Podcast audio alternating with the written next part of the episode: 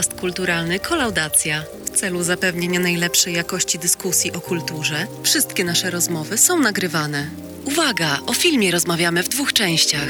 Pierwszej, bezspoilerowej, czyli bez zdradzania istotnych szczegółów fabuły, oraz drugiej, po wyraźnie zaznaczonej przerwie, gdzie dyskutujemy swobodnie i szczegółowo o treści dzieła.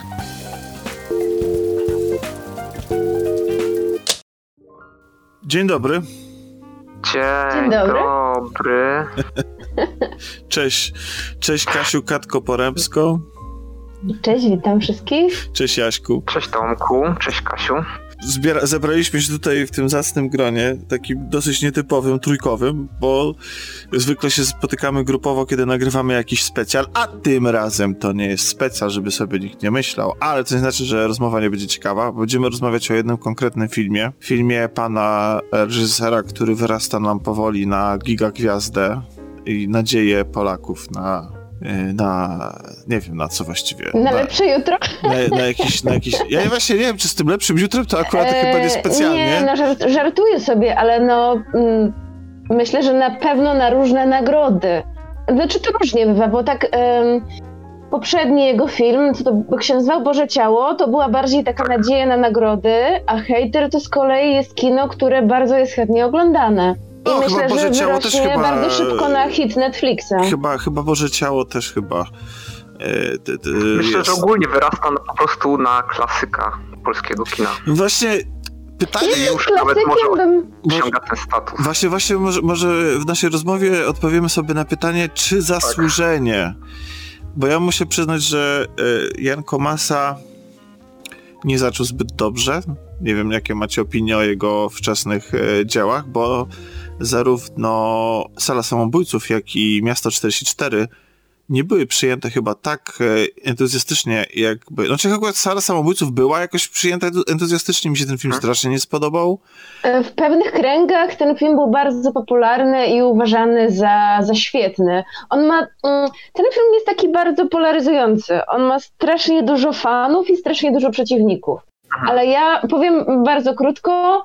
E, i Mnie się ten film nie podobał i właśnie z tego powodu hater tak bardzo zaskoczył mnie pozytywnie. Być może on by mi się tak bardzo nie podobał, gdyby nie to, że podtytuł Sala Samobójców Hater sprawił, że e, przypomniał mi, wiecie, te wrażenia z tamtego filmu. Myślałam, Jezu, znowu będzie coś takiego. To ja nie wiem, czy dam radę, a wyszłam z kina bardzo zadowolona, więc... Ale e, nie uprzedzajmy faktów. Jak mawiał. tak, tak, nie no, nie uprzedzam tylko to, że Sala Samobójców była dla mnie filmem, który był zbyt przerysowany, przesadzony, emocjonalnie szczególnie. To był film pełen jakiegoś jakiegoś takiego rzucania się, jakiej emfazy, jakichś krzyków, tam No, wszystko może był takie... dostosowany właśnie do tego, o czym opowiadał, czyli jakiejś takiej emo subkulturze, nie wiem, no właśnie, może, może, może trafiał idealnie w dany moment, a my, jako już trochę starsi, e, których e, ta subkultura ominęła, może tego, może tego nie rozumieliśmy w tym filmie. Na pewno Ja na pewno nie rozumiałam Romy Gąsiorowskiej, niestety. Bardzo przykro mi to mówić, bo uważam ją za dobrą aktorkę, ale niestety nie wiem, czy ona ma problemy z dykcją, czy ja coś, że ja po prostu jej nie rozumiem. I po prostu sprawia to, że jakikolwiek film widzę, w którym ona gra, to ja sobie, jeśli oglądam go w domu, to ja muszę włączyć napisy. I to dodatkowo jakby odejmowało punkty u mnie w głowie temu filmowi, że, że gra tam ta aktorka. mhm. Niestety. Nie wiem, Ja- czy się zgadzacie ze ja, mną, czy... A tobie jak podszedł? Czy ty byłeś emo? Czy słuchałeś e, My Chemical Romance i utożsamiałeś się z głównym bohaterem? Nie, nie, nie załapałem się na emo. E, właśnie ciekawy wątek, e, ciekawy wątek poruszyliście, bo e, też chciałem was o co zapytać, bo w sumie nie, kiedy przygotowywałem się do tego, do naszego w ogóle spotkania, do naszego odcinka, tak zdałem sobie sprawę, że w sumie zupełnie nie znam waszych e, opinii na temat e, kina pa, pa, pana Jana Komasy. Mój stosunek do jego twórczości jest dość, dość nietypowy. E, Sam zastanawiałem się, jakiego, jaki tutaj przymiotnik znaleźć i trochę poległem na tym zadaniu, bo chociaż nigdy nie poznałem go osobiście, jestem wielkim jego fanem jako osoby. W sensie naprawdę uwielbiam y, czytać wywiady z nim. Uważam, że jest osobą o bardzo ciekawej wyobraźni, dobrej etyce pracy, że tak powiem. Oprócz tego, no, imponuje mi też jakby jego, jego, jego, jego podejście do kina i ogólnie wydaje się fajnym gościem, więc jestem jego kibicem bardziej niż fanem jego filmów, chociaż też powiem, że wszystkie jego tytuły uważam y, za udane. Niemniej jednak do każdego mam większe lub mniejsze ale. Y, za jego najlepszy film no, u, uważam Boże Ciało, chociaż paradoksalnie jest to film, który jest chyba y, najdalej od mojej wrażliwości. To jest moim zdaniem jego najlepszy film, ale czy ulubiony film? Nie wiem, czy nazwałbym go swoim ulubionym filmem, dlatego bardzo czekałem na hejtera bo wydawało mi się, że zawsze w jego kinie to, co najbardziej mi się podobało, to była cała strona audiowizualna, to było aktorstwo, i to było takie, powiedziałbym, mm, myślenie w pewnym sensie wbrew tendencjom kina takiego typowo polskiego. Mi się wydawało, że on zawsze szedł albo krok naprzód, albo przynajmniej krok w bok, kiedy tworzył swoje filmy. I, a jednocześnie zawsze mm, największą wadą jego filmów, moim zdaniem, były scenariusze. I kiedy akurat Boże Ciało, gdzie jak scenariusz napisał Ma Mateusz Pacewicz, scenariusz, który moim zdaniem no, z wszystkich scenariuszy jego filmów był taki najlepszy najbardziej dopracowany.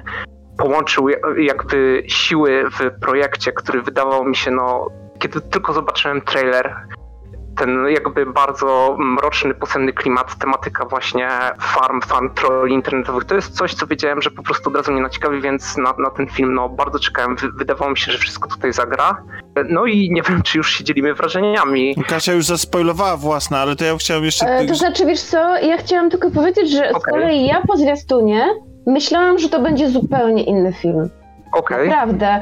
Ja nawet się trochę obawiałam, że to pójdzie w kierunku nawet wegi. To znaczy, tak, że to będzie taki film e, nastawiony na taką brutalność, e, wulgarność. Zresztą w tym, w tym zwiastunie była, były ze dwie sceny, których potem nie było w filmie. I tam było to tak przedstawione w taki sposób. Um, mam wrażenie, że trochę się obawiałam, że będzie to pokazane, że życie tego głównego bohatera jest takie świetne. Jestem z zawodu hejterem, wiecie, i że to będzie właśnie taki bohater jak z Wegi. Mam świetne życie, zarabiam tym, że hejtuję i jestem, jestem, mm, nie wiem, nie mam, jakby to powiedzieć, e, nie mam oporów moralnych. E, I dlatego film mnie podwójnie pozytywnie zaskoczył. Po pierwsze, pierwsze sala samobójców, a po drugie ten zwiastun był taki, mm, no właśnie, zwiastował zupełnie moim zdaniem inne kino. Takie bardziej, bardziej wprost, mniej jakoś zniuansowane i mniej, e, co to powiedzieć, sprawiedliwe. Okay, Dobra, jeszcze to, do, tego, tak, do, do, tego później. Do, do, do, tego dojdziemy. Ja chciałem jeszcze tylko sam e, wygłosić opinię, bo mam z kolei trochę inną niż, niż wasza na temat pana. On niestety, znaczy wadą jego filmów nie jest wcale scenariusz, a reżyseria. Hmm. E, dlatego, że z jednej strony e, cieszę się, że człowiek, który e, wywodzi się trochę, z, czy jakby próbuje przemycić estetykę gier wideo bardzo często do E, do, do, do swoich filmów, czy to wprost, kiedy mamy sekwencje rozgrywające się niby w grach wideo, czy też jak na przykład w Mieście 44 mieliśmy całą sekwencję taką przypominającą shootera, e, takiego FPS-a, e, więc generalnie ten, e, jakby bardzo się cieszę, że, że stać go na odwagę e, łączenia na przykład e, muzyki bardziej współczesnej, z, e, kiedy opowiada o historycznym e, temacie, właśnie tak jak w Mieście 44. Z drugiej strony, wydaje mi się, że w tym wszystkim brakowało mu zawsze reżyserskiego opanowania. To znaczy, że albo ktoś mu, albo on sam nie dorósł jeszcze do własnych pomysłów, albo Y, ktoś mu nie dawał ich zrealizować w pełni. Tak jakby ktoś go hamował w połowie. To Miasto 44 wygląda, wygląda tak, jakby to był film, który ktoś przyszedł po prostu w połowie zdjęć na plan i się zorientował, jaki odjazd y, e, Komasa serwuje widzom i uznał, że absolutnie to jest nie, no przecież to jest niemożliwe, nikt tego nie zrozumie. To, jakby to, to musi być tradycyjna opowieść o, o, o, o, o powstaniu warszawskim, a nie jakieś growo rock'n'rollowe e, odpały.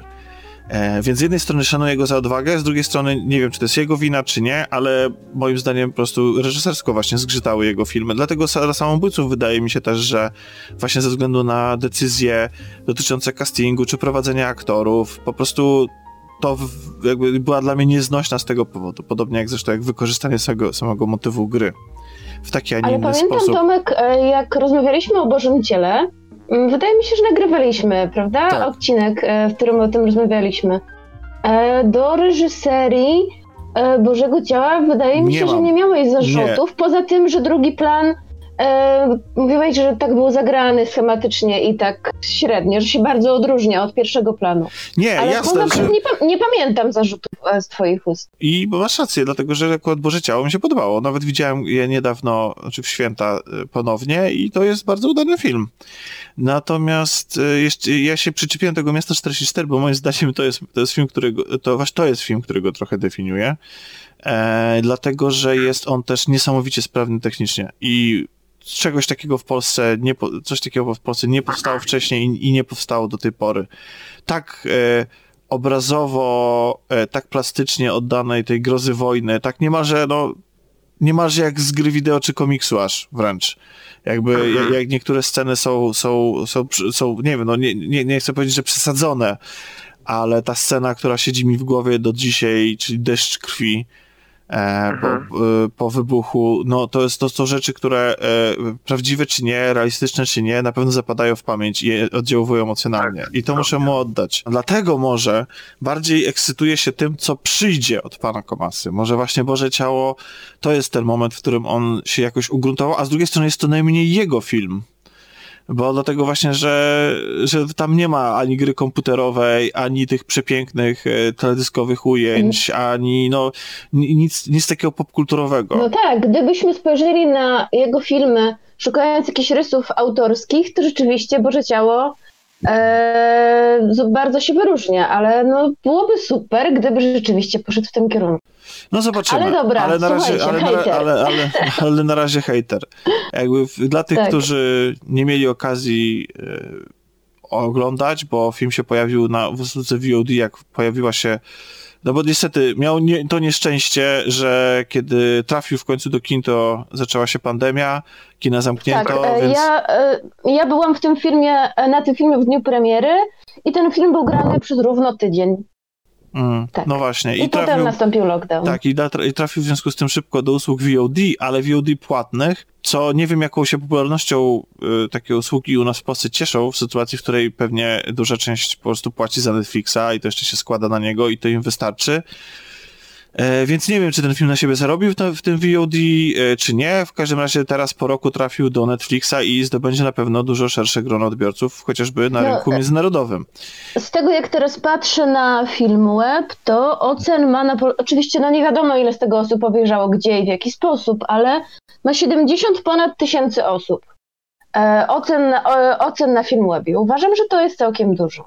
W skrócie, dla tych, którzy nie mają żadnego pojęcia, y, jest to historia chłopaka, który z małej miejscowości, który trafia do Warszawy, do dużego miasta e, i tam próbuje się, e, tam studiuje prawo, ale w momencie, w którym go poznajemy, jest z tego prawa wyrzucony e, za plagiat pracy semestralnej. Prawdę mówiąc, ja nie miałem pojęcia, że można, że są sprawdzane prace już na takim etapie studiów e, za, za pomocą tych programów do plagiatów.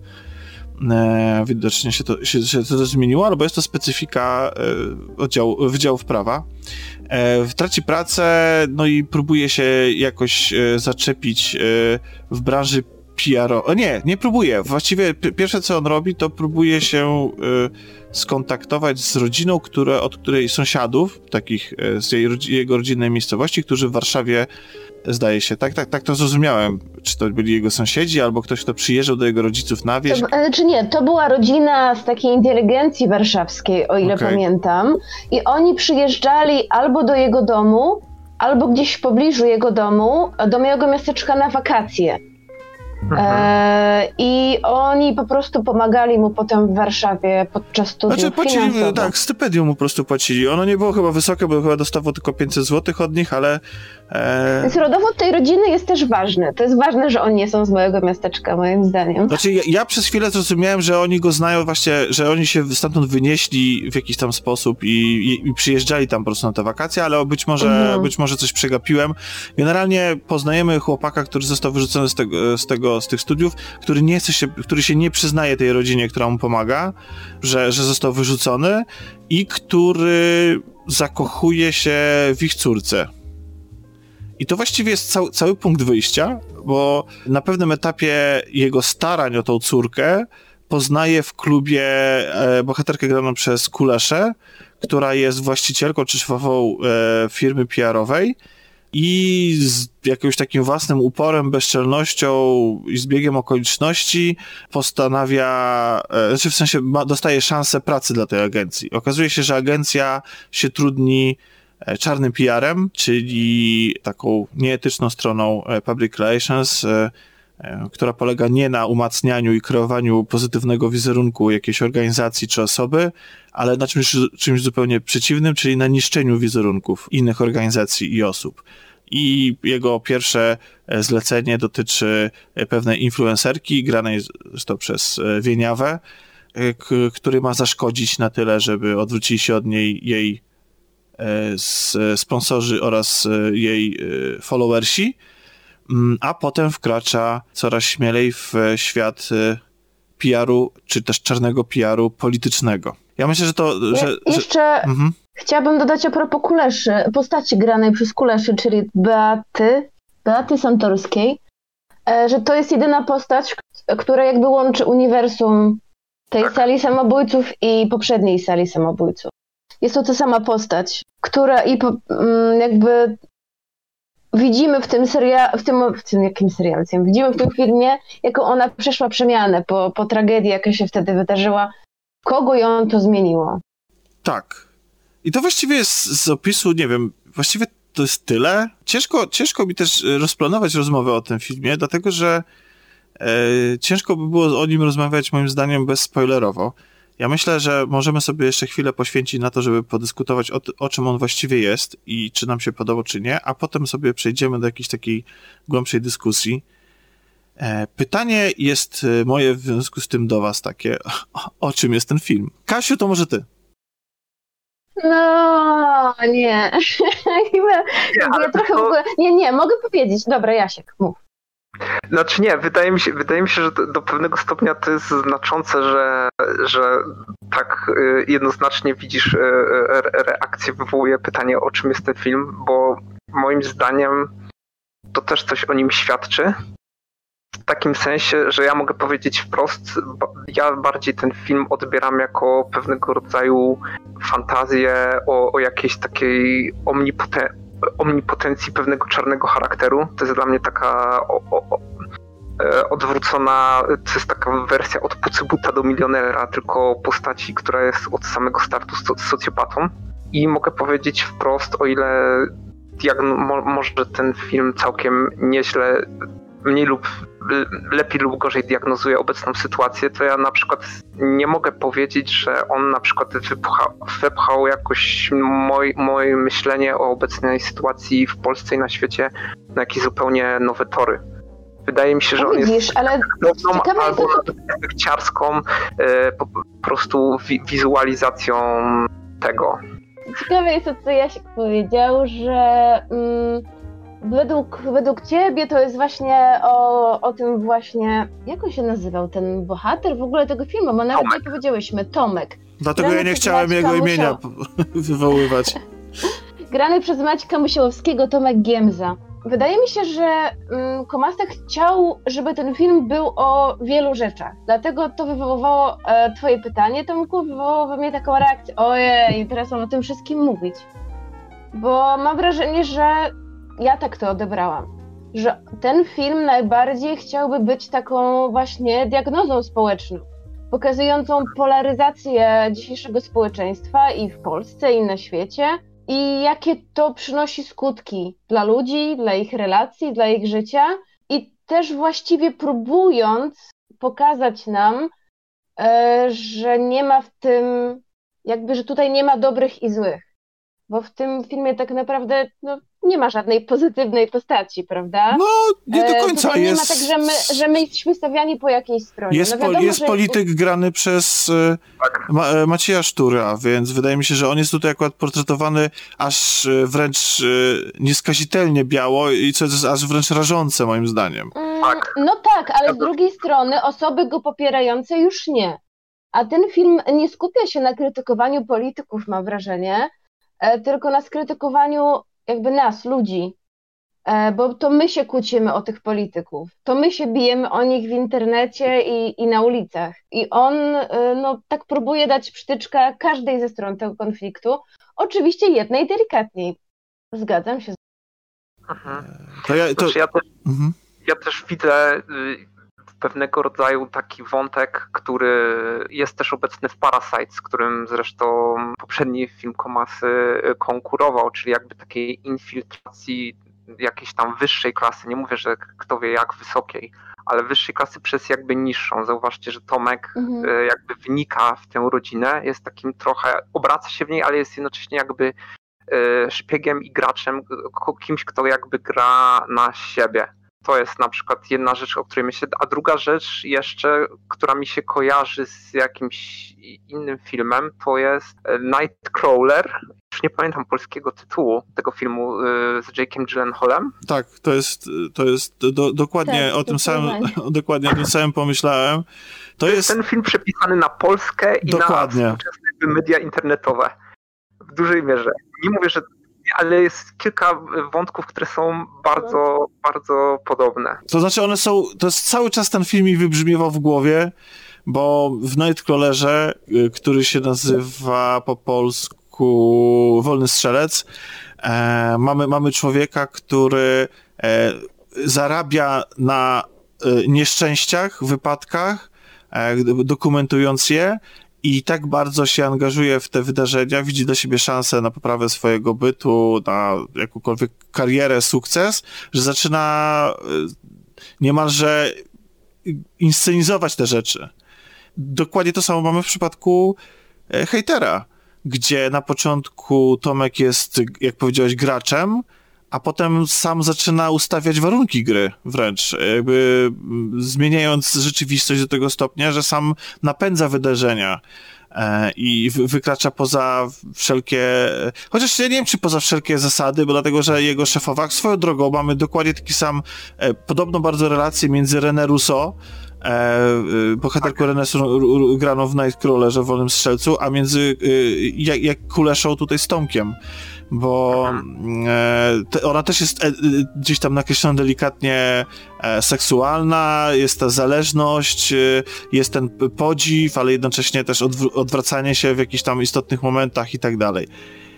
E, ja... No i Nie, boha- bohaterowie też mają podobny rys socjopatyczny. znaczy tak, to I jest... Jakiś taki brak empatii totalny i, i kierowanie się jakby tylko i wyłącznie swoimi celami, jakby wręcz dosłownie po trupach. I e, moim zdaniem ja akurat uważam, że ten film jest dużo bardziej o socjopacie niż o jak, niż komentarzem na temat e, współczesnej Polski.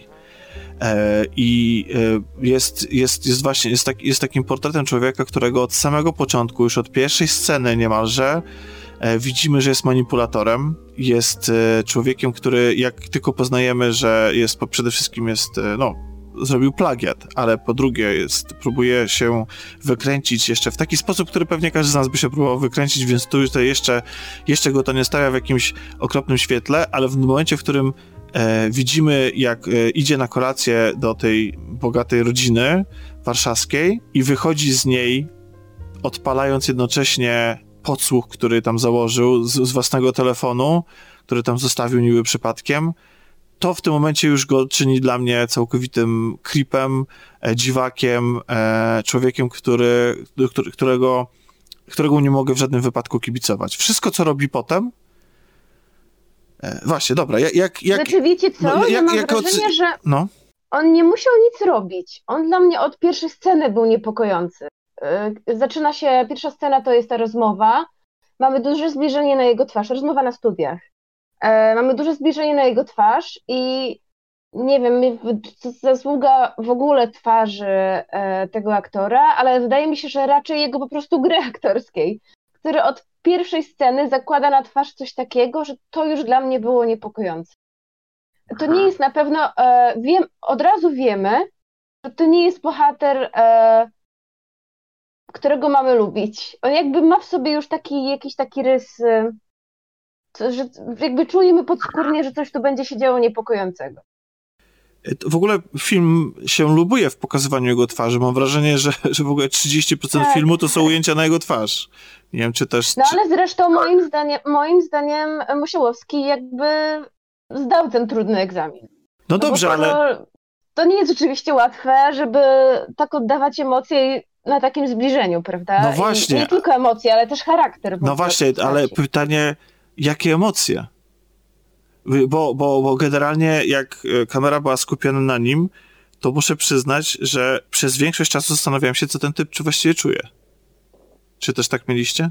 Znaczy, e, mi się wydaje, że w ogóle rola tutaj i, i pomysł na tę postać jest strzałem w dziesiątkę, bo to, co na przykład już tutaj wspominaliśmy o tym wolny, wolnym strzelcu, to jest akurat jeden element na postać jakby protagonisty, który drastycznie różni się w przypadku tamtego filmu. Tam bohater Gyllenhaala to, to była taka bardzo podrasowana wersja soc, socjopaty, socjopaty w wersji coachowej, która wiem, że spo, spo, sporą liczbę osób zupełnie odrzuciła od tamtego filmu, bo, ta, bo, bo, bo jego rola była bardzo przyrysowana. To nie jest też, zauważcie, taka, taki rodzaj socjopaty, tak charyzmatycznego socjopaty w typie Franka Underwooda, który też jakby kombinuje, też jest bardzo nastawiony na cel i na wygrywanie, żeby iść po trupach, po trupach do celu, ale jednocześnie zdajemy sobie sprawę, że jest inteligentny i przebiegły i nieustannie jakby przez możliwość tego, że może się do nas zwrócić jak do widzu, nieustannie też nas w jakiś sposób czaruje. I jest to, co powiedziałeś, jest charyzmatyczne, wręcz jemu kibicuje momentami. Tak, dokładnie. A tutaj mamy, tutaj mamy właśnie e, charyzmę, która jest taką antycharyzmą. Właśnie ta jego twarz E, twarz Tomka jest twarzą takiego everymana, który, na którą kiedy właśnie spoglądamy, nie wiemy co się w jego głowie dzieje i to właśnie czyni go tym bardziej przerażającym w pewnym tak, sensie. Tak, bo ta, nie, ta nieprzewidywalność e, jest, masz tak. rację, ta nieprzewidywalność jest tak właśnie najbardziej przerażająca i ta maska, którą on ma cały czas założoną i jakby no, w naszym codziennym życiu w ten sposób się komunikujemy z ludźmi, że używamy języka werbalnego, niewerbalnego, używamy mimiki, prawda? I w ten sposób się porozumiewamy. A jeśli ktoś umie założyć na to idealną maskę, to czujemy się zaniepokojeni, bo nie jesteśmy w stanie odczytać tej osoby. Były dwie sytuacje w całym filmie, w którym ja y, poczułem, że wiem, co, co, co on myśli i co czuje. I to wszystkie te sytuacje dotyczą rzeczy, które się stały już po finale, właściwie w tym epilogu ja muszę przyznać, że mi się to, co powiedziałeś, Jeśko, a propos, że, że, że od Nightcrawlera się ludzie odwracali, bo nie podobała mi się postać yy, yy, głównego bohatera. Ja, mi się strasznie ciężko oglądało yy, hejtera. Ja, ja, ja okay. miałem takie, ma, miałem, znaczy nie chodzi mi o to, że, dlatego, że to jest zły film. Yy, okay. Chociaż moim zdaniem, a to do tego za chwilę, to, to ciężko mi się oglądało przez głównego bohatera. Faktycznie łatwiej jest oglądać e, socjopatę, który jest charyzmatyczny i w jakiś sposób, nie wiem, czy nie wiem, czy na przykład y, Al Pacino jako y, Scarface, e, czy, czy okay. gdzie, gdzie, mamy, gdzie mamy ludzi, którzy ewidentnie nie liczą się z niczym, idą po trupach do celu, są bezwzględni, ale jednocześnie mają w sobie coś takiego, że się patrzy na ich przygody z jakimś takim zaciekawieniem po prostu. Tak, bo, bo, które są takim jednoosobowym spektaklem. Tutaj tak. masz brak spektaklu. Bo jest, jest mnóstwo takich kino, ma mnóstwo takich y, przypadków, bo jeden z takich najbardziej, chyba trochę już zapomniany, moim zdaniem niesłusznie, czyli utalentowany pan Ripley. To też jest taki przykład takiego człowieka, jak tam chodziło o zakładanie masek, podszywanie się pod inne, pod inne osoby, jakby człowiek bez właściwości przybiera różne inne formy po to, żeby osiągnąć cel. Tutaj może na, nasz bohater e, aż tak bardzo, chociaż też mu się zdarza, zda, zdarzają przebieranki, właśnie w pewnym momencie gra na kilka frontów, też zakłada te, te maski w zależności od sytuacji, ale to, co, to, to, co mnie odpychało od ekranu, co, co ciężko mi było na to patrzeć, to no właśnie te jego występki. W sensie one były niesamowicie żenujące, to jest złe słowo, ale czułem podobną taką, wiecie, to jest coś takiego, jak widzicie, jak, jak ktoś po, po, robi jakąś żenującą rzecz i wstydzicie się za niego. To ja miałem tutaj podobną, podobna, e, podobna... Ale wydaje mi się, że to można by... E... Poczekajcie, poczekajcie, spokojnie, żebyśmy się zrozumieli, no, tak? A mogę? E, proszę, wydaje mi się, że to jest pozy- że to jest jakby nie negatywny, że to jest jakby pozytyw tego filmu.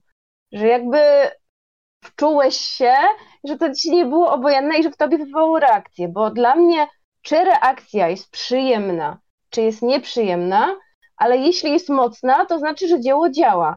Ja zawsze w takich sytuacjach i takich dyskusjach e, podaję, przypominam film Pianistka, który dostał straszliwe cięgi od widzów za, i ludzie dawali jedynki, mówiąc, że film jest okropny, Wow. jest o okropnych, obrzydliwych postaciach, że nikogo da się da, nie da lubić i obserwowanie ich jest nieprzyjemne, bo to, co oni robią, jest dla nas niekomfortowe. Ale moim zdaniem kino od tego jest, żeby stawiać nas momentami w bardzo niekomfortowej sytuacji i kiedy my chcemy odwrócić głowę, ale, ale nie możemy. Opowiadanie historii też czasami polega, znaczy nawet nie czasami, ale polega też na, na wykorzystywaniu kontrapunktów. Znaczy, że, że gdzieś musi być jakieś zaczepienie, musi być jakaś chwila oddechu, musi być jakaś, e, ja- jakaś postać, którą może da się lubić. No tutaj mamy tego polityka, którą możemy, bo jakby gdybyśmy go nie lubili, to może byśmy się tak nie bardzo nie przejmowali jego losem, gdyby wszyscy do cna byli zepsuci. E, ale Jaśku, bo ty też coś chciałeś jeszcze powiedzieć. Nie, ja miałem tylko jeden komentarz a propos, to, ja muszę ci powiedzieć, że ja na przykład Tonego Montanę z, z, z Człowieka z blizną oglądałem akurat ten film, powtórzyłem sobie rok temu, e, też nie mogłem na niego patrzeć, nie mogłem z nim sympatyzować w żaden sposób. On był fascynującym spektaklem, ale to, to, to wszystko. E, Ja nie trzymałem za niego kciuków w żadnym wypadku. Znaczy ja nie jestem wielki fanem w ogóle tego filmu też, tylko po prostu podam jako przykład, czy ogólnie, Okej. że, że, że, że to jest ta, tak przyjmowana postać, tak? A jak było No. z Jokerem? Czy Joker był bardziej straszny? Bardziej, e, czy, e, mówię o tym ostatnim filmie, czy był fascynujący? Czy byliście bliżej kibicowania mu, czy bardziej was odstręczało to, co robił? Bo to też taki film, który opowiada też o socjopacie tak naprawdę. Właśnie jest, po prostu jestem ciekawa, czy to bardziej należy do Okej. grupy tych fascynujących, charyzmatycznych postaci, czy raczej tych, e, które są niekomfortowe dla widza? Znaczy powiem tak, to, to ja odpowiem trochę unikiem, e, a dokończę wątek w późniejszej. Ja powiem, że na przykład nie, nie zżyłem się, jakby nie byłem się w stanie tak zaangażować emocjonalnie jak Tomek w dalszej części filmu, bo nie podobały mi się wszystkie elementy scenariusza, dlatego od pewnego momentu już oglądałem tak jakbym, no, no po prostu z dystansem. E, Ja nie czułem aż takich emocji, aż takiego aż tak mocno wszystkie te bodźce emocjonalne, które powinny na mnie na- nadziałać, nie działały tak mocno.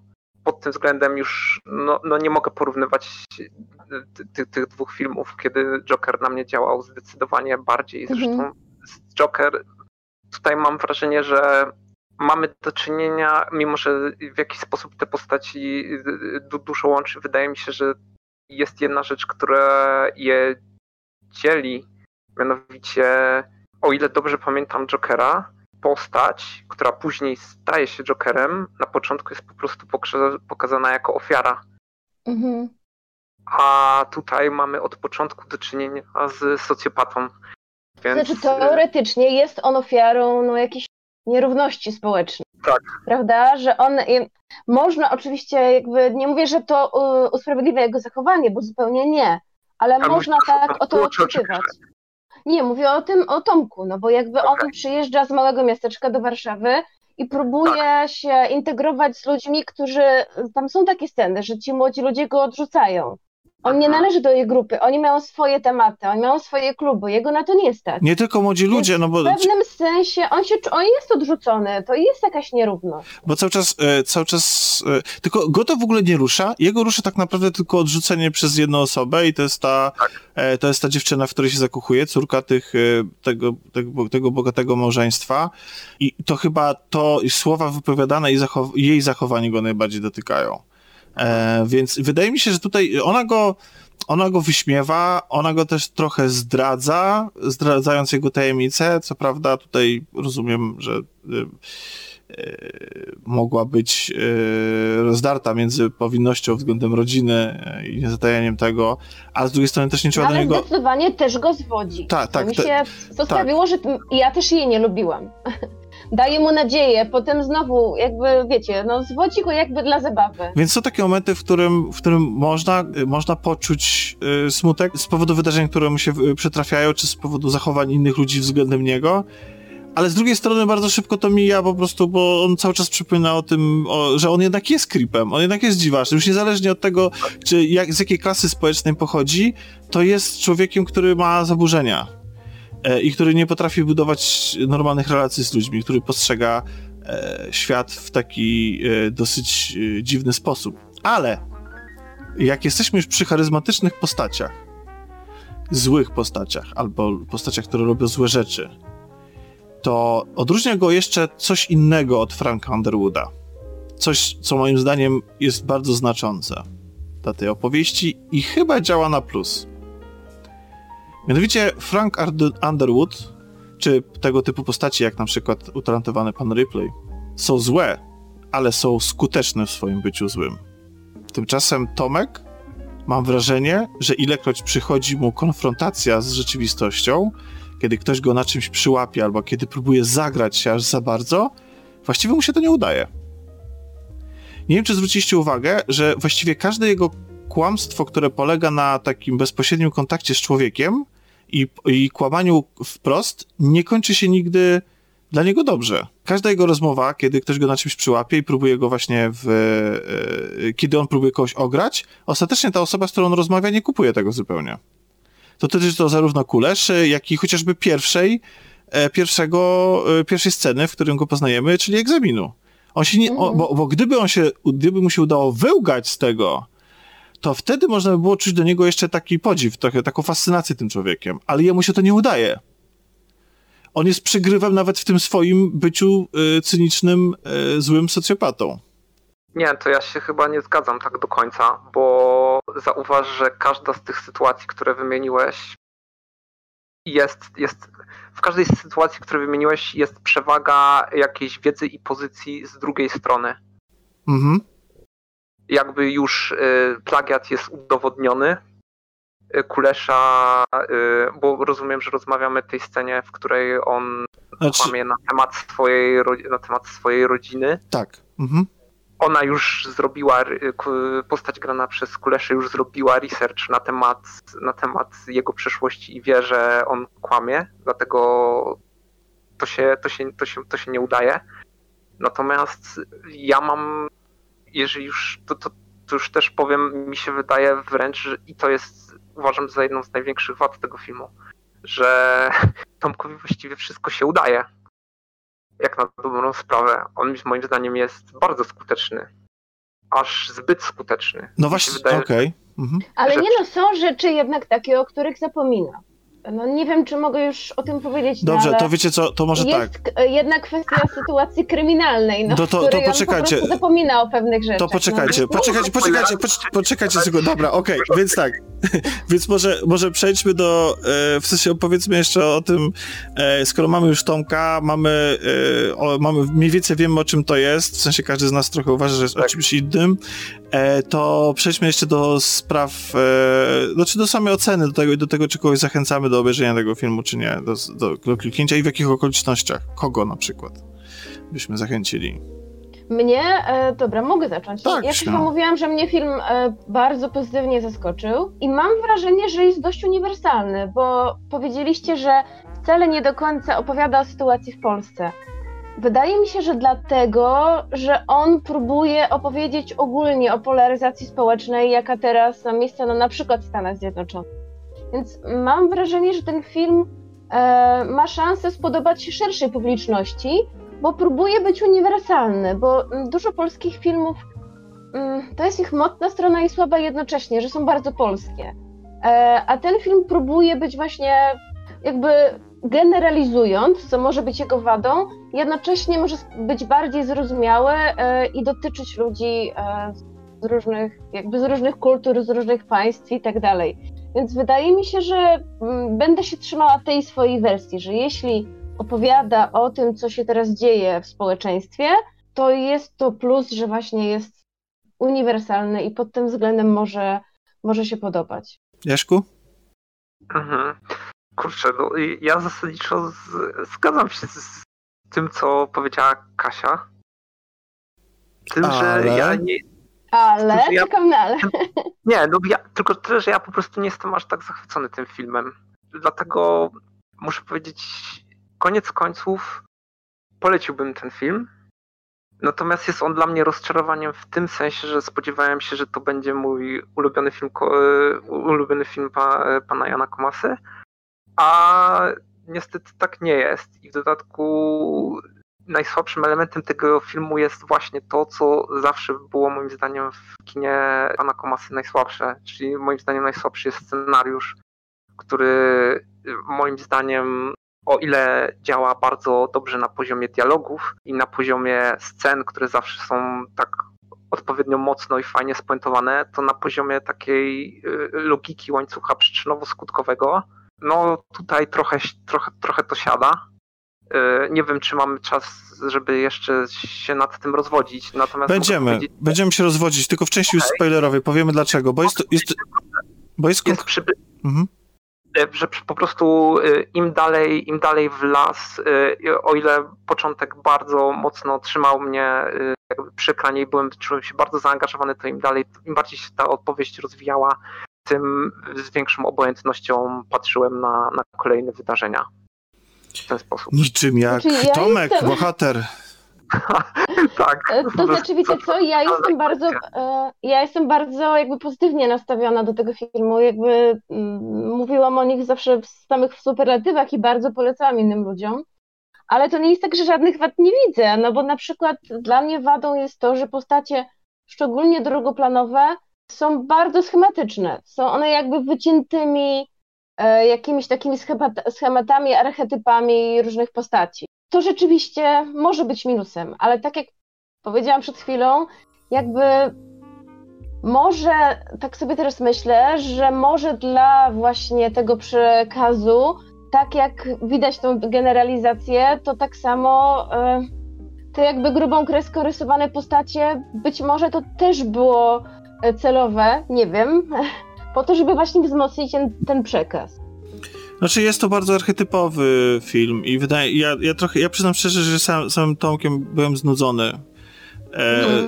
jego, jego, tak jak nie mogłem na niego patrzeć, y, tak, tak potem to się, to, to się przerodziło w to, że właściwie było to dla mnie oczywiste, w jakim, właściwie w jakim kierunku ta opowieść zmierza i że ja się nic nowego od połowy filmu już o Tomku nie dowiem.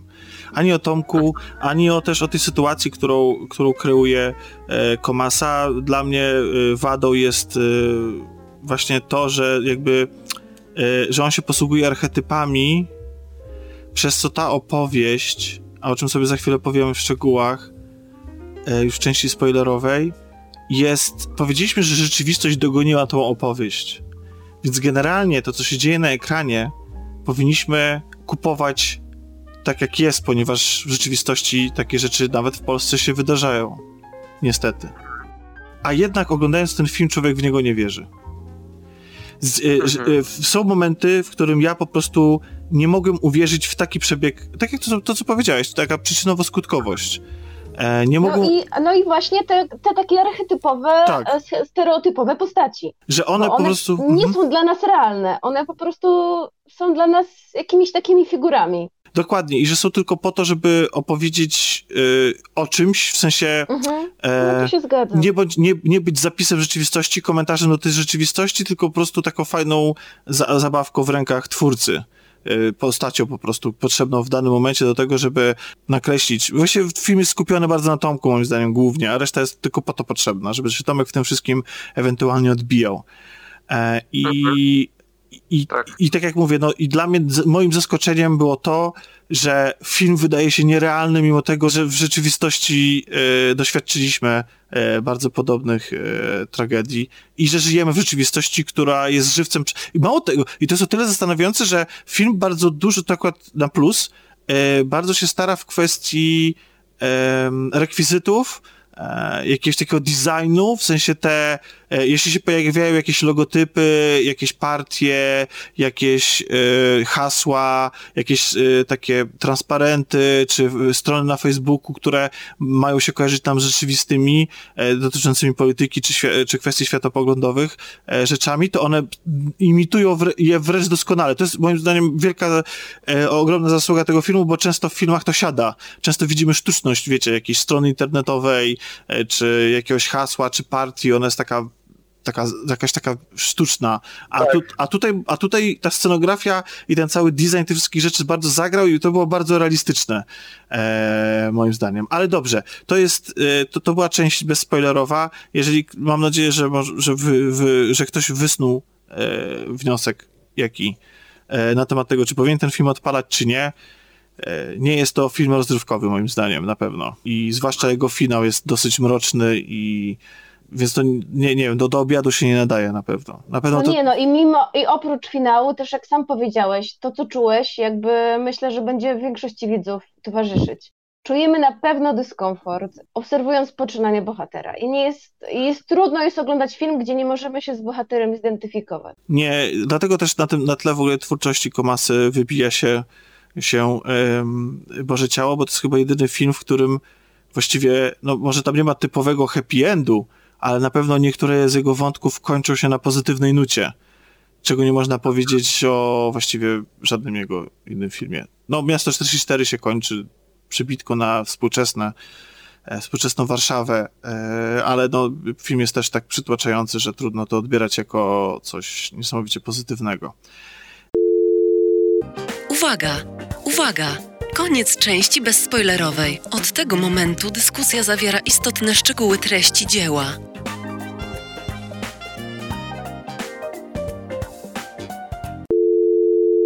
Przechodzimy sobie do części spoilerowej, czyli takiej, w której będziemy zdradzać szczegóły z fabuły, już bez patrzenia na to, już bez, bez żadnej, bez żenady po prostu będziemy wchodzić cali na biało ze szczegółami, więc jeżeli e, ktoś nie widział filmu, nie chce psuć sobie niespodzianki, to e, zalecamy, żeby nas wyłączył i wrócił po tym, jak obejrzy.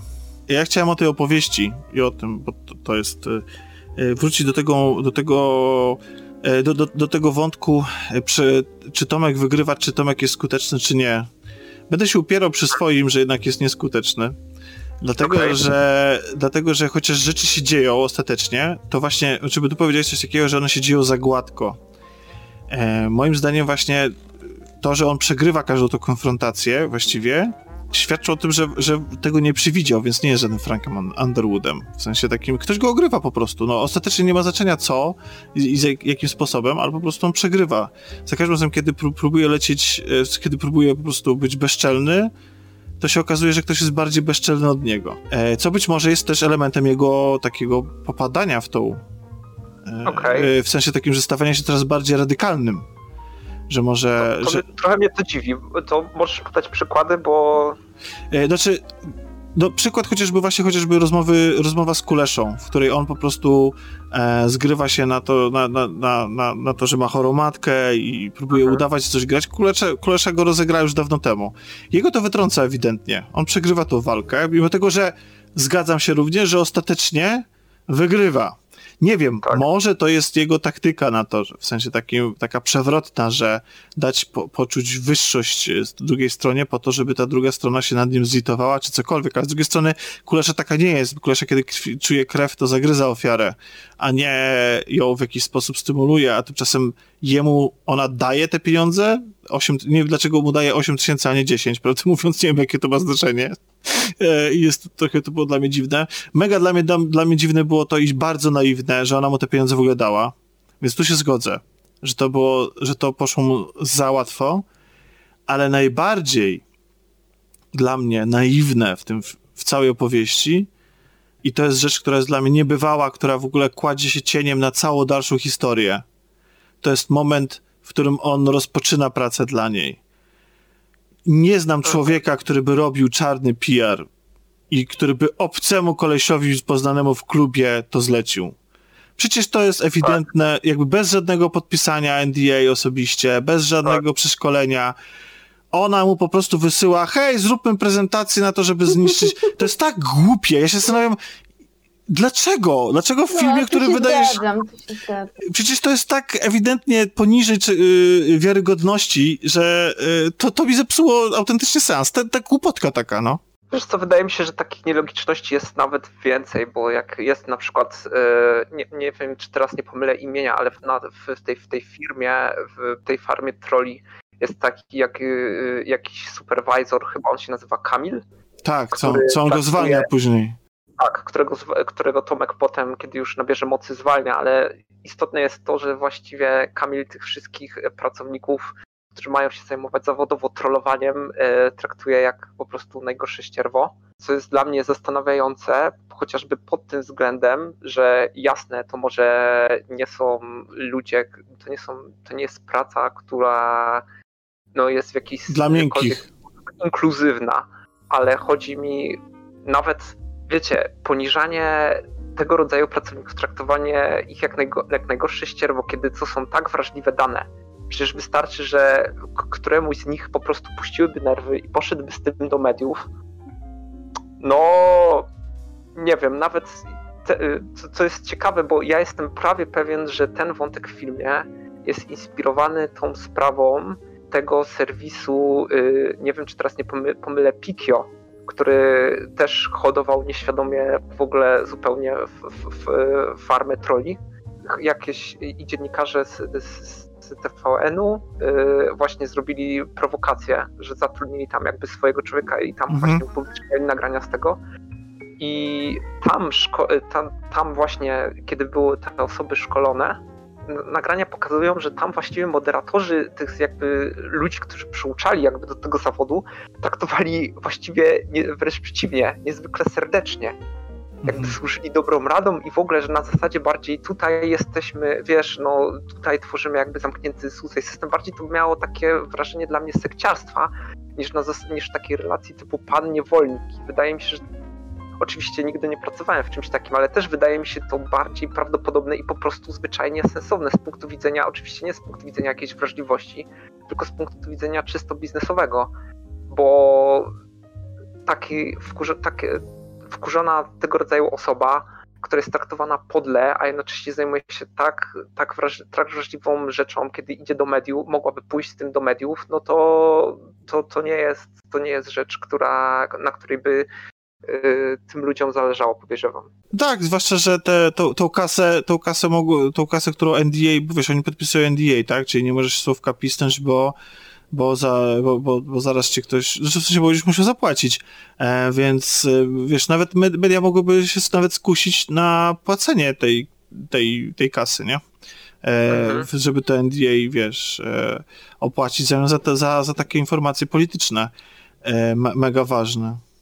Tamten wątek wydaje mi się też taki naciągany na zasadzie zebrania w, te, w tych kilku krótkich ujęciach największych w ogóle patologii pracy związanej z social mediami, bo jest, jest taki wątek, że oni, ci pracownicy tej farmy też sprawdzają jakieś e, drastyczne materiały, na zasadzie jakieś tam rzeczy z morderstw, czy coś tego rodzaju. Wydaje mi się, że to jest jakaś zupełnie. e, To też, oczywiście, to też są obie prace związane z social mediami, ale nie, nie, nie wydaje mi się, że to są pod jednym jakby parasolem y, te rzeczy robione. Wydaje mi się, że to było, to jest trochę takie, po- poniosła, poniosła tutaj kogoś fantazja na zasadzie o, masz przerąbane, bo z jednej strony robisz po prostu czarny PR i tutaj obsmarowujesz kogoś najgorszymi epi- epitetami za pieniądze. To też, mówmy się, zostawia jakieś, y, jakąś rysę na psychice, albo ewentualnie oglądasz sobie po prostu martwe ciała. To jest okropne. Ja widziałem dokument, nie, y, jakiś czas temu, kilka miesięcy temu był. Na TVN zawsze widziałem, na TVN24 leciał. Pogadaliśmy nawet o tym trochę. Tak, tak, być może. Że, że A właśnie. wiecie co? No. E, Tak. No nie, no ja właśnie chciałam, bo tak wiecie, rozwinęliście ten temat e, tego czarnego PR-u, ale zaczęliście od, nie chciałam wam przerywać, zaczęliście od e, tych wątków, które były najmniej wiarygodne. E, I wątków i postaci. No więc e, wydaje mi się, że nie ominęliście jeszcze jeden ważny wątek, który dla mnie był najbardziej schematyczny i zawierał sobie najbardziej schematyczną postać z tego filmu, czyli właśnie wątek tego gamera, e, prawi, alt, prawicowca. Nie pamiętam, jak ta postać się niestety nazywała, ale roz, oczywiście rozumiem, że wiecie, o którą postać Tak, tak, chodzi. tak, tak. To, w jaki sposób e, Tomek z nim wchodzi w ogóle w kontakt, e, w jaki sposób nim pogrywa, e, jak wygląda życie tamtego kolesia, w jaki sposób on zyskuje kasę, to jest w ogóle już jest, e, to już jest jakieś magiczne. To znaczy w ogóle te, to to, był moment w filmie, którym ja, mimo że jestem osobą, której ten film cały bardzo mi się podobał, to z kolei w tym momencie właśnie ja zwątpiłam. I ja w tym momencie się tak dystansowałam i pomyślałam sobie, no dobra, ale serio? No więc... E, znaczy to jest ten, znaczy jeśli chodzi o pozyskanie kasy, to się w pełni zgodzę. Uważam, że to jest jakiś, znaczy ja trochę nie rozumiem, znaczy Tomek wiedział, że Kulesza nie pochwali tego zamachu, znaczy to nikt by nie pochwalił, moim zdaniem to jest, to jest ta granica, której nawet Kulesza by nie przekroczyła. E, zwłaszcza, że gdyby się nie udał, to byłby raczej przeciwskuteczny, już tak cynicznie w ogóle na to patrząc, tak, prawda? E, gdyby, mhm. się, gdyby się nie udał. Więc ja, ja się zastanawiam, moim zdaniem to Tomek w ogóle nie grał na karierę w tym momencie, tylko grał na to, żeby zniszczyć, e, zniszczyć tą rodzinę. To była jego zemsta na tej rodzinie i na tej dziewczynie no tak, i tak dalej. On miał, on miał też swoją osobistą agendę. E, więc całkowicie to był element. Że to, to, to, co, to, co mu Kulesza powiedziała, nie? Że chcesz tam, że musisz swojego wroga zniszczyć, bo tam e, sztuka wojny, co swoją drogą cytowanie sztuki wojny jest tak pretensjonalne w 2000, tam, tam, nie wiem, 2018 niech będzie, albo 2019 roku. No jest tak niesamowicie... A ja już nie pamiętam, to właśnie ten Stefan, ten taki gamer cytował, czy ktoś inny? Nie, to był Kulesza, że ona się po prostu, wie, że ona, ona. była, ona zafascynowała... Lekturę, tam do inspirowania się. Tak, i to, była, i to była sztuka wojny i to jest tak po prostu tak wyświechtane. No tak. e, I to jest, to jest jedna rzecz. E, a druga, ja z tym gamerem trochę ja akurat, jeśli chodzi o jego wątek, to nie miałem aż takiego wielkiego problemu, bo tu akurat pomogła temu filmowi, przepraszam, bo to jest, to, jest okropne, jakiego języka e, czasami się człowiek użyje, bo przecież oczywiście mamy, to jest tragedia, ale, ale, ale e, jakby trochę ten wątek urealniła tragedia z życia rzeczywistego, bo też po prostu ten człowiek mógł być niezrównoważony, zresztą on miał jakieś tam może problemy, e, można go było manipulować e, i ja wierzę, że tacy ludzie są. No, w końcu wydarzyła się tragedia, są ludzie, którzy popełniają e, zbrodnie, dokonują ataków terrorystycznych, zabijają innych z różnych powodów. I wydaje mi się, że, że to akurat... Ale co, chodziło mi o to, czy ja rozumiem tą jakiego motywację, Chodziło mi o to, że cała jego postać jest zbudowana ze stereotypów. Gra w gry wideo, że gruby, że gruby gamer. Jest od, okay. Tak, jest otyły, mieszka z matką, ta matka jest chora. Jakby to wszystko razem się składa w taką. Właśnie jest taki stereotyp, jakiś coś takiego, taką postać po prostu wyciętą z kartonu dla mnie, bo tam było zbyt dużo rzeczy, które było, wiesz, które stereotypizowały te postacie. No tak, i on to, odrobinę się No i, te, i, i, też był, no, był mega naiwny, no i jeszcze to, że żądanie 10 tysięcy. Swoją drogą te 10 tysięcy, bo też nie chcę zabrzmieć jakoś źle, ale wydaje mi się kwotą że Tomek mógł te pieniądze pozyskać w łatwiejszy sposób niż i bardziej mądrzejszy niż szantażowanie polityka, dla którego się pracuje? To jest jakiś prawdę mówiąc, na miejscu Kuleszy, gdyby, gdyby mój pracownik coś takiego zrobił, to ja bym go po prostu wywalił. No nie, nie wiem, co wy o tym sądzicie, ale dla mnie ta akcja po prostu była skrajnie głupia. Że no, dlatego właśnie ten Tomek uznaje go za nieskutecznego, bo on popełniał głupie błędy, robił rzeczy, które wręcz narażone były na parożkę. Okej, okay, ale wiesz co, no, jak ja spoglądam na wszystkie jego działania, no to uważam, że generalnie wszystkie rzeczy wychodzą mu bardzo łatwo. No bo okej, okay, tutaj rzeczywiście miał, zaliczył powiedzmy w topę, ale pomijając to, że wyszło na niego, zobacz po prostu od początku filmu, jakie, jakie, tutaj, rzeczy, jakie tutaj rzeczy się dzieją. Zostawia podsłuch, nikt się nie orientuje. Dwa razy zresztą, bo na samym początku yy, tam na, tam na kolację, a później jeszcze zostawia... No ale, póź ale później to już są takie specjalistyczne, więc tutaj już może... Tak, no okej, okay, wiesz, do, do, y, do kwatery Rudnickiego też zostawia po prostu, w, w, wbija na, na pałę jako jakiś technik, w ogóle tak. jakby recepcjonistka, nawet się nie orientuje, że nikt nie jest umówiony. A tak, to prawda. I nic się, wiesz, nic jakby się nie dzieje, na, na, nadużywa zaufania rodziny, mimo to, kiedy przychodzi, yy, kiedy przychodzi do Rudnickiego, od razu właśnie, właściwie staje się jego niezwykle zaufaną, niezwykle zaufaną osobą. Tak, tak, i to w ogóle... Nie, nie. I to już nie dziwi mnie no, nawet tak. to, że nie, nie, dziwi mnie nawet to, że, że, że po prostu dzieje się to tak szybko, ale że zauważcie, że w tym momencie jakby rodzina Krasuckich w ogóle jakby nie wspomina mu, ej no panie Rudnicki, sorry, ten gość nie jest tak do jest, jesteśmy z nim spokrewnieni, ale on nie jest tak do końca wiarygodny, bo odwalał jakieś tam dziwne rzeczy. W ogóle mam wrażenie, że po tym akcie, y, po, po tym momencie, kiedy on zaczyna pracować dla Rudnickiego, nagle cała w, w ogóle rodzina Krasuckich o tym zapomina, że on kiedyś nadużył ich zaufania.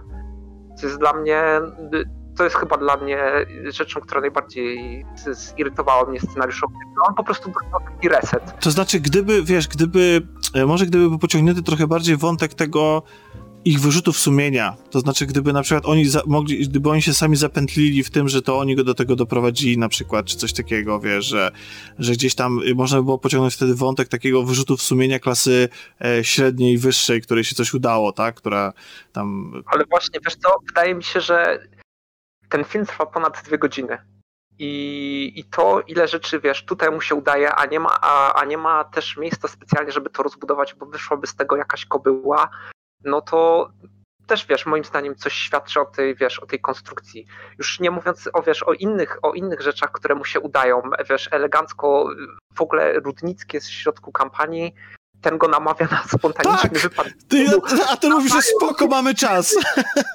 Wiesz, w dodatku, w dodatku tego alt w ogóle na, na, na selekcji w jakimś tam snobistycznym klubie bez niczego wpuszczają, akurat wiesz, w tym momencie, no nie, nie, po prostu dlatego będę się upierał, że on, że właśnie, wiesz, Tomek jest turbo skuteczny, bo zauważ, że masę rzeczy mu się udaje, a nawet jeżeli, nawet jeżeli gdzieś tam coś mu nie wychodzi po drodze, to raczej to jest po prostu raczej poślizgnięcie się. I potem znowu staje i dziarskim krokiem osiąga to, co. A ja, mam, ja mam jedno, zgadzam się w wielu punktami z Tobą, Jasiek, ale jedno wytłumaczeniem Mhm. E, mianowicie, dlaczego on nagle zyskuje w oczach tej rodziny, mimo i że jakby następuje taki reset. To jest trochę niewiarygodne, ale weźcie pod uwagę, że to jest taka rodzina takich liberałów. I mam wrażenie, że dla, dla tej grupy społecznej i dla ich klasy liczy się to e, właśnie ten taki, jak ktoś od, przejdzie jakąś drogę jakiegoś awansu społecznego. Mm, tak trochę od, od pucybuta.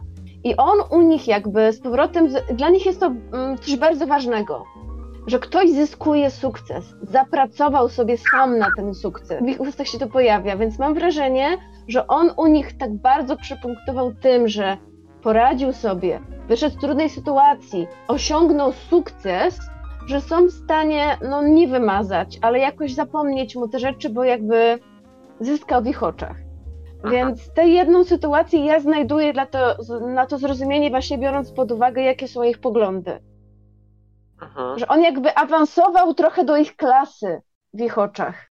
I na, i na niego mogą teraz spojrzeć inaczej. E, no to ja powiem, e, ja powiem tak, że, że przekonaliście mnie oboje, zgadzam się. W sensie okay. i z Kasią się zgadzam i masz rację, e, Jasiek.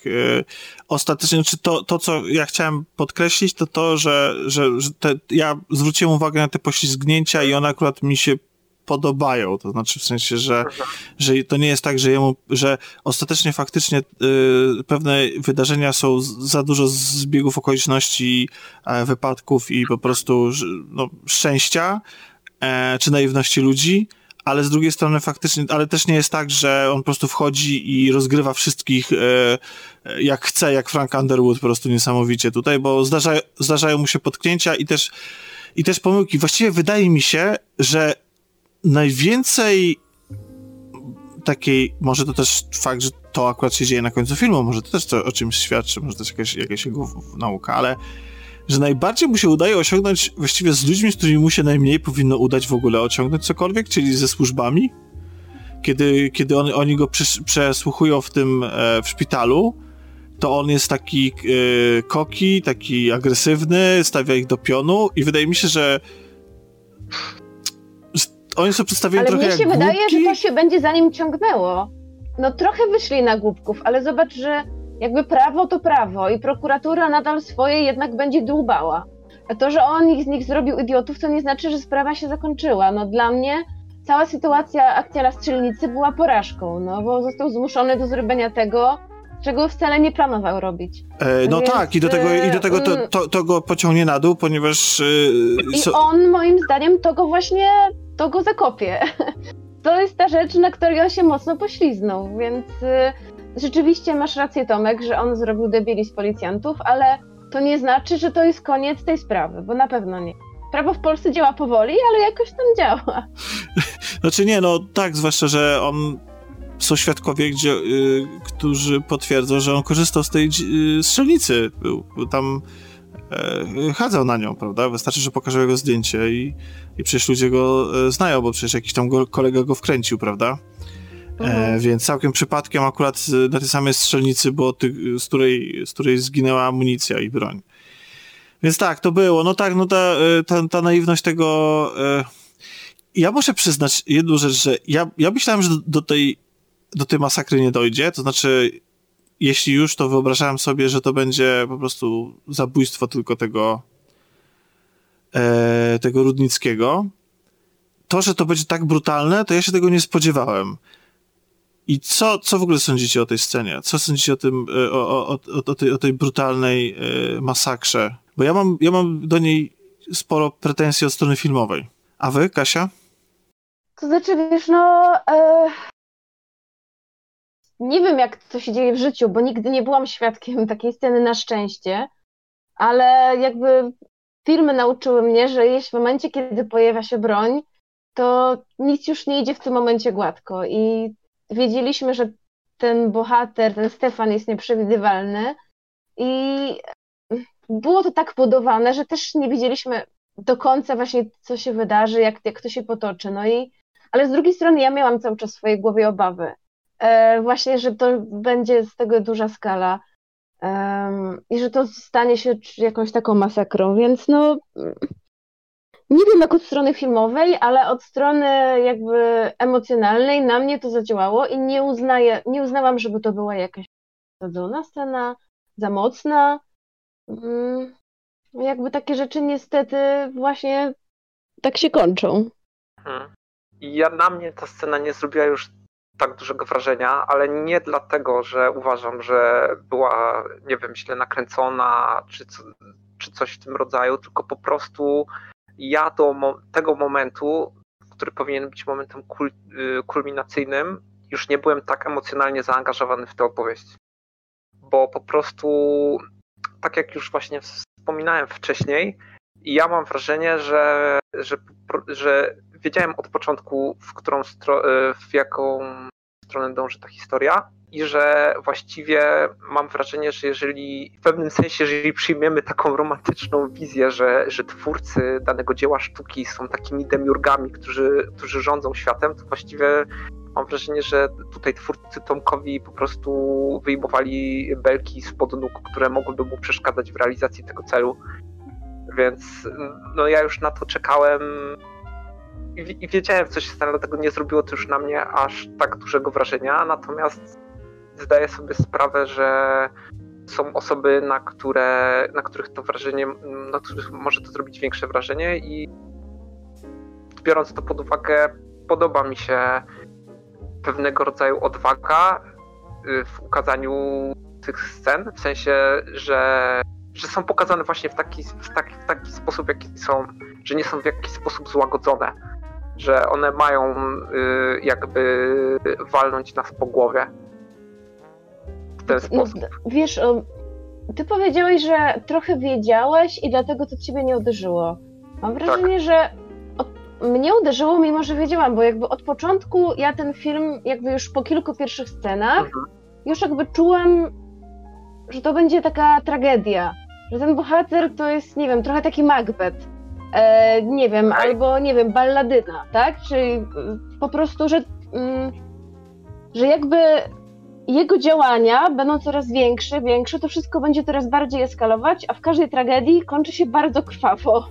E, tak. Kończy się jedną wielką jatką, więc jakby szczerze mówiąc, ja nie wiedziałam o tym, co powiedział Tomek, e, nasz Tomek, nie bohater, o tym, że film został właśnie, że ta premiera została odsunięta. Nie wiedziałam, że będzie zamach ale jakby podążając tropami tragedii, wiedziałam, że jakby na rękach bohatera będzie coraz więcej krwi, więc tylko po prostu czekałam, kiedy to będzie prawdziwa krew, już nie taka metaforyczna. I, ale to nie sprawiło, że, że to miało jakby, mimo że czekałam na to, że to nie sprawiło, że miało to na mnie mniej, zrobiło to na mnie mniejsze. bo zrobiło nadal bardzo dużo. Ale Tomek, ja jestem bardzo ciekawa, co o tej stronie filmowej No chciałeś powiedzieć. E, znaczy, bo problem z takimi scenami, e, znaczy nie problem, tylko właściwie wydaje mi się, że e, takim odpowiednim podejściem do takiej sceny jest to, żeby przedstawiać je w sposób nieatrakcyjny. To znaczy, żeby taki, e, taka osoba, która dokonuje zamachu, e, nie prezentowała się w żaden sposób e, dobrze. E, no wiecie o co chodzi, wiecie dlaczego, prawda? To, jest, to jest oczywiste. Tak, jasne. E, żeby po prostu, żeby broń ani sam zamach nie był cool po prostu. Ta przemoc wobec Żeby nie ludzi. było to Tak. estetyzowane jakby i gloryfikowane. przez- Dokładnie. E, I wydaje mi się, że akurat tutaj to się udało bardzo dobrze w tej scenie. Natomiast wydaje mi się, że e, nie wiem, czy to być może wynika właśnie z tego, że nie chciano z tego robić poprawnego kina, ale jest ty- w tej scenie dla mnie zaburzone wiele rzeczy, co oczywiście pewnie ma też oddawać e, tą atmosferę. Ale z jakiegoś powodu mi się po prostu źle oglądało. Na przykład byłem zaskoczony ym, zachowaniem ludzi. Ja wiem, że to jest panika, że nikt nie podejmuje racjonalnych decyzji w tej sytuacji, wszyscy się boją, ale nie, nie rozumiem, dlaczego nikt nie uciekał z tego budynku, bo oczywiście mogę zakładać, że to dlatego, że, że człowiek nadszedł od, od drzwi i ludzie uciekali od niego, a nie do niego. Co nie zmienia faktu, że film tego w ogóle nie pokazuje. Jest pewien chaos, który rozumiem, że wynikał, jest to decyzja reżyserska, świadoma, inscenizacyjna, ale jednocześnie ja jako widz y, nie tylko ten chaos odczuwam, ale też taką jakąś y, własną, takie zagubienie pewne po prostu w tej scenie. W dodatku później pojawiają się jeszcze postacie, które ewidentnie temu człowiekowi się pchają pod lufę. W sensie nie uciekają do wyjścia, bo one uciekają w, w to samo miejsce, w które uciekało reszta. Oni byli schowani, on ich nie widział, po czym po prostu wybiegają na środek pok- tej całej, całego tego pomieszczenia i po prostu giną. I po prostu ja w tym momencie odczułem, że to są po prostu postacie, które my mieliśmy zobaczyć ich śmierć na ekranie. Pojawiała się pewna sztuczność dla mnie tej sytuacji. Po prostu. Więc ja... Trochę Jest strzelenia, tak? Słucham?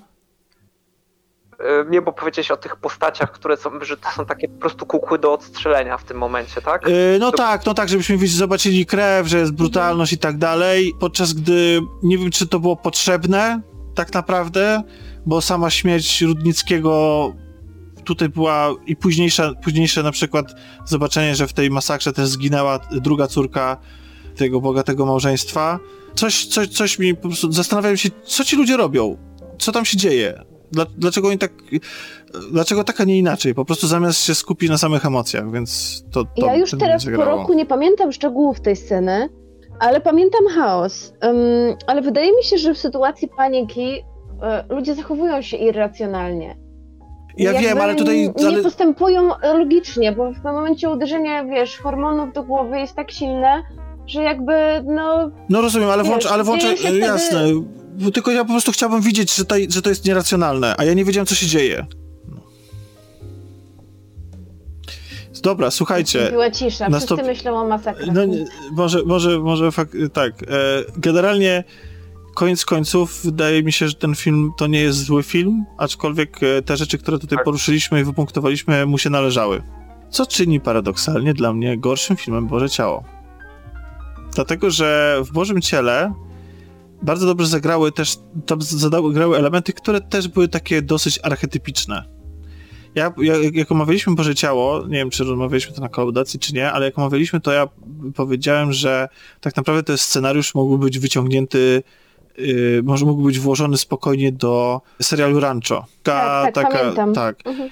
I, I oczywiście jakby zrealizowane w taki sposób, jak zostały zrealizowane, to nikt by nie posądzał. W sensie jakby jest, jest to dalekie od rancha, ale jednak mimo wszystko jakbyśmy ubrali to w formie rancha, to też by to grało.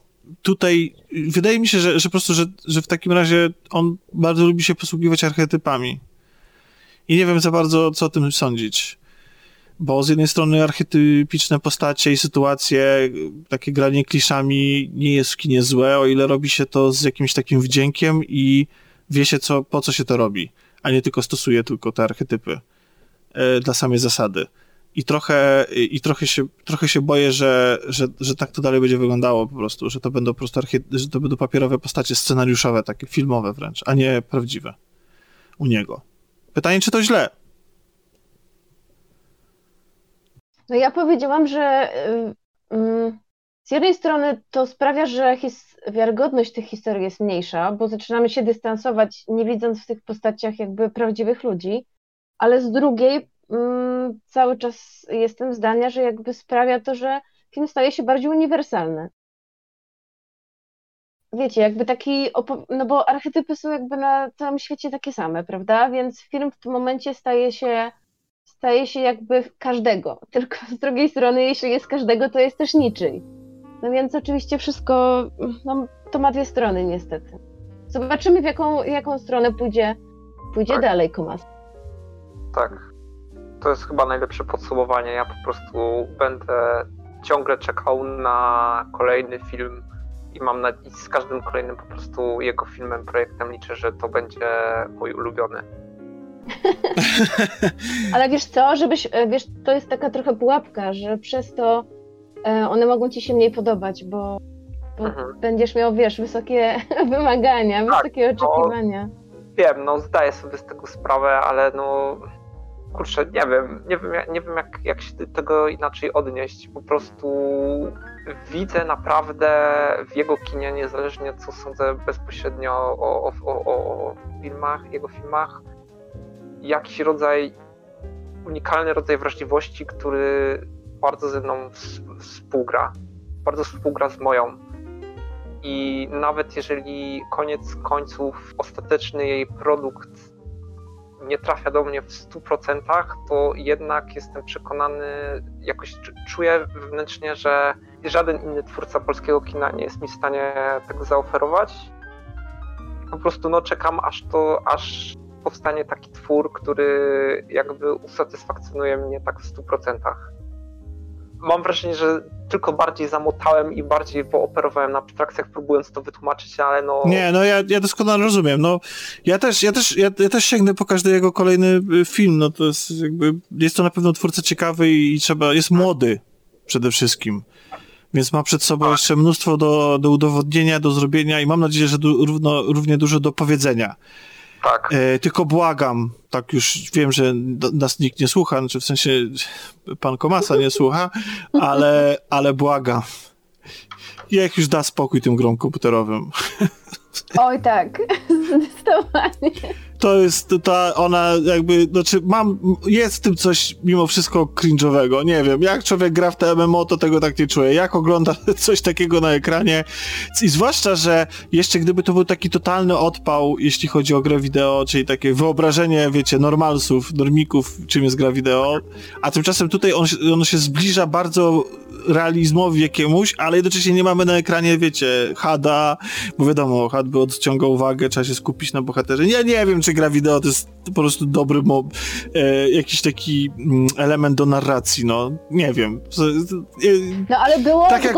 było tej gry tym razem mniej niż w poprzedniej serii samobójcy, więc jakiś postęp jest. Może w następnym już nie będzie wcale. Zwłaszcza, że te sekwencje się mega szybko starzeją, bo to nie są prawdziwe gry, tylko, tylko, tylko CGI mi się wydaje, że gry, gry w jego filmach bardzo dziwnie rymują się z rzeczywistością i to w dodatku rymują się nie w momencie jakby premiery, bo rzeczywiście, kiedy oglądałem pierwszą salę samobójców, te wizualizacje i w ogóle pomysł na, na, na tę jakby taką mikrospołeczność wydawał mi się bardzo z czapy, ale na przykład nie wiem, czy y, ja, ja tę grę znam tylko z jakby, sam nigdy w nią nie grałem, a znam tylko z filmów na YouTubie. Na pewno, y, pewnie kojarzycie y, ten tak zwany VR chat. Kojarzycie to, czy nie? Nie wiem, czy możemy się przyznać, że nie teraz. Nie wiem, czy to nie będę wycinał, bo Właśnie, to trochę, ja też nie. to trochę nas Dobra, jakby okay. podważa naszą kompetencję. Ja nie mam pojęcia, Dobra. co to jest. To, to myślałem, że powiesz port, Fortnite. Naprawdę, myślałem, że powiesz bardziej Fortnite, nie? A to... Nie, nie, nie. Yy, no, okej, okay, no, to zabawne, że to powiedziałeś, bo nawet zastanawiałem się, czy nie powiedzieć, że, że to teraz chcę segment, który, który wytniesz. No nie, ale generalnie chodzi o to, że jest gra, która się nazywa VR Chat. No jest najprostszy, właściwie tytuł mówi wszystko. Jest to po prostu rodzaj czatu, gdzie możesz, którym możesz po prostu poruszać się w VR-ze, czyli tworzysz swojego awatara, sobie chodzisz, spotykasz innych ludzi, którzy są też ukryci ze swoimi awatarami E, I bardzo często bywa tak, że, że, że te społeczność, wiesz, no masz awatara jakiejś kawaii nastoletniej czarodziejki z księżyca, a za nim się ukrywa y, czarnoskóry mężczyzna. Natomiast polecam wam sprawdzić na YouTubie, są filmy, które ktoś nagrywa właśnie z tego VRChata i po prostu zadaje tym ludziom, y, których tam spotyka, różne pytania na temat ich życia bardzo osobistego albo nawet intymnego. Czyli na przykład mówi, a powiedz mi o najbardziej sytuacji w swoim życiu, w której najbardziej się wstydziłeś, albo której najbardziej przy. I to jest bardzo ciekawe, bo ludzie się autentycznie odpowiadają. Są jednocześnie bardziej zdystansowani, no bo są ukryci jakby za tą awatarem, nie znamy ich prawdziwych imion i nazwisk, a jednocześnie są bardziej autentyczni, ponieważ nie mają żadnych oporów, żeby w tym momencie opowiedzieć coś ze swojego życia intymnego. I to jest to w połączeniu jeszcze z całą tą odjechaną y, stroną y, graficzną, kiedy, kiedy widzicie, jak, te postaci po prostu do was mówią, i próbujecie tego połączyć. Ja bardzo lubię oglądać te filmiki. Y, I, i ja to oglądałem rok czy dwa, dwa, lata, dwa lata temu już. I tak sobie właśnie wtedy, zupełnie nie myśląc o tym, od razu mi się skojarzyło z tą pierwszą całą samobójców i pomyślałem, okej, okay, wtedy wydawało mi się to totalnie od czapy, a kto wie, czy na takim wierczacie ktoś nie tworzy jakiejś właśnie takiej zamkniętej, w sumie bardzo toksycznej grupki. Są takie, takie, takie, takie grupy. Jest to możliwe. No. Takie grupy się. No tak, tak. No jest to. Okej, okay, no niech będzie, niech będzie. Jezu, nie wiem, ja tu przyszedłem, żeby hejt... znaczy może nie hejtować, ale być tym krytykiem, ale wychodzę z tego, z, z tej naszej rozmowy z jakimś takim większym uznaniem. No i co? Co ja mam na ten temat sądzić? No, mój autorytet e, podupadnie, no. Słuchajcie, bardzo wam dziękuję za dzisiaj. Była to bardzo e, pouczająca i, i fajna rozmowa. Mam nadzieję, że nie tylko dla nas. Ja też bardzo dziękuję i chciałam powiedzieć, że y, tu chłopcy się sami umawiali na randkę, ale ja trochę się wcisnęłam na siłę, bo tak naprawdę y, ja od roku czekałam na rozmowę o tym filmie. Bardzo, bardzo chciałam o tym filmie porozmawiać, odkąd widziałam go w kinie. No ale różne potem sytuacje nastąpiły pandemiczne i nie wyszło, więc, więc szczególnie jestem wdzięczna, że mogłam o tym pogadać. Cudownie. Dzięki, Kasia. super, że, że, super, że się wbiłaś. Mam nadzieję, że tak. nie będziemy, będziemy musieli czekać do następnego dzieła pana Komasy na takie nasze na taki nasz mały trójkącik. E, a tymczasem, a tymczasem e, trzymajcie się i do usłyszenia następnym razem. Cześć, trzymajcie się, hej. Pa, cześć. Połączenie zakończone. Wszelkie szczegółowe informacje, jak tytuły dzieł, ich dostępność czy linki do rzeczy omawianych w rozmowie, znajdziesz w opisie tekstowym odcinka. Rozmawiał Tomek Pieniak, głos centrali, Alex. Dziękujemy za telefon i zapraszamy ponownie.